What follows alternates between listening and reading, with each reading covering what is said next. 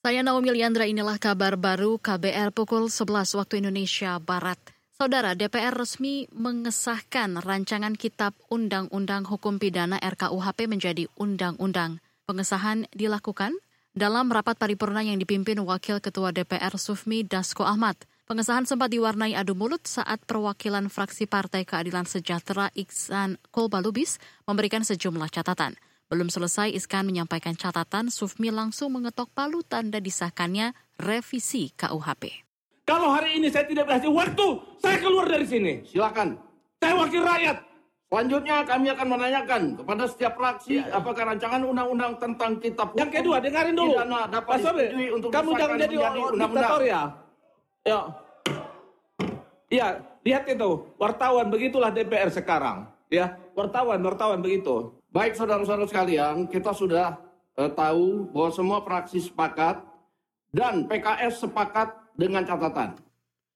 Sementara itu Ketua Komisi Hukum DPR Bambang Wuryanto dalam laporannya mengatakan pembahasan RKUHP telah melalui berbagai pendalaman.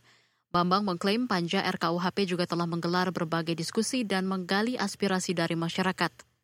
Saudara, pengesahan RKUHP ditolak oleh sejumlah kalangan mulai dari aktivis hingga akademisi. Hari ini unjuk rasa penolakan RKUHP juga digelar di beberapa daerah. Wakil Presiden Maruf Amin menyebut jumlah mal pelayanan publik atau MPP tahun ini sudah memenuhi target. Saat ini jumlah MPP mencapai 103 unit. Wapres menyampaikan hal itu saat pencanangan reformasi birokrasi tematik dan peresmian 26 mal pelayanan publik.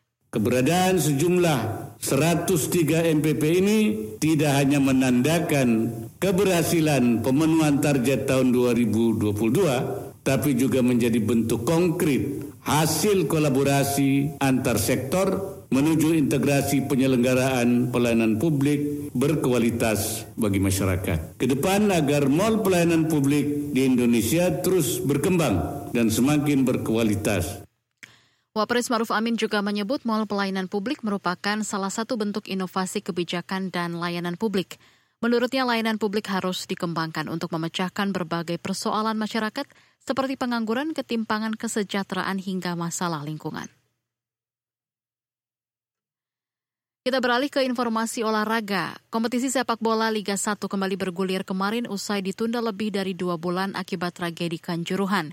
Ketua Umum PSSI Muhammad Iriawan alias Iwan Bule mengklaim laga kemarin berjalan lancar. Itu disampaikan Bule usai menonton langsung laga antara Madura United kontra PSIS Semarang di Stadion Manahan Solo, Jawa Tengah.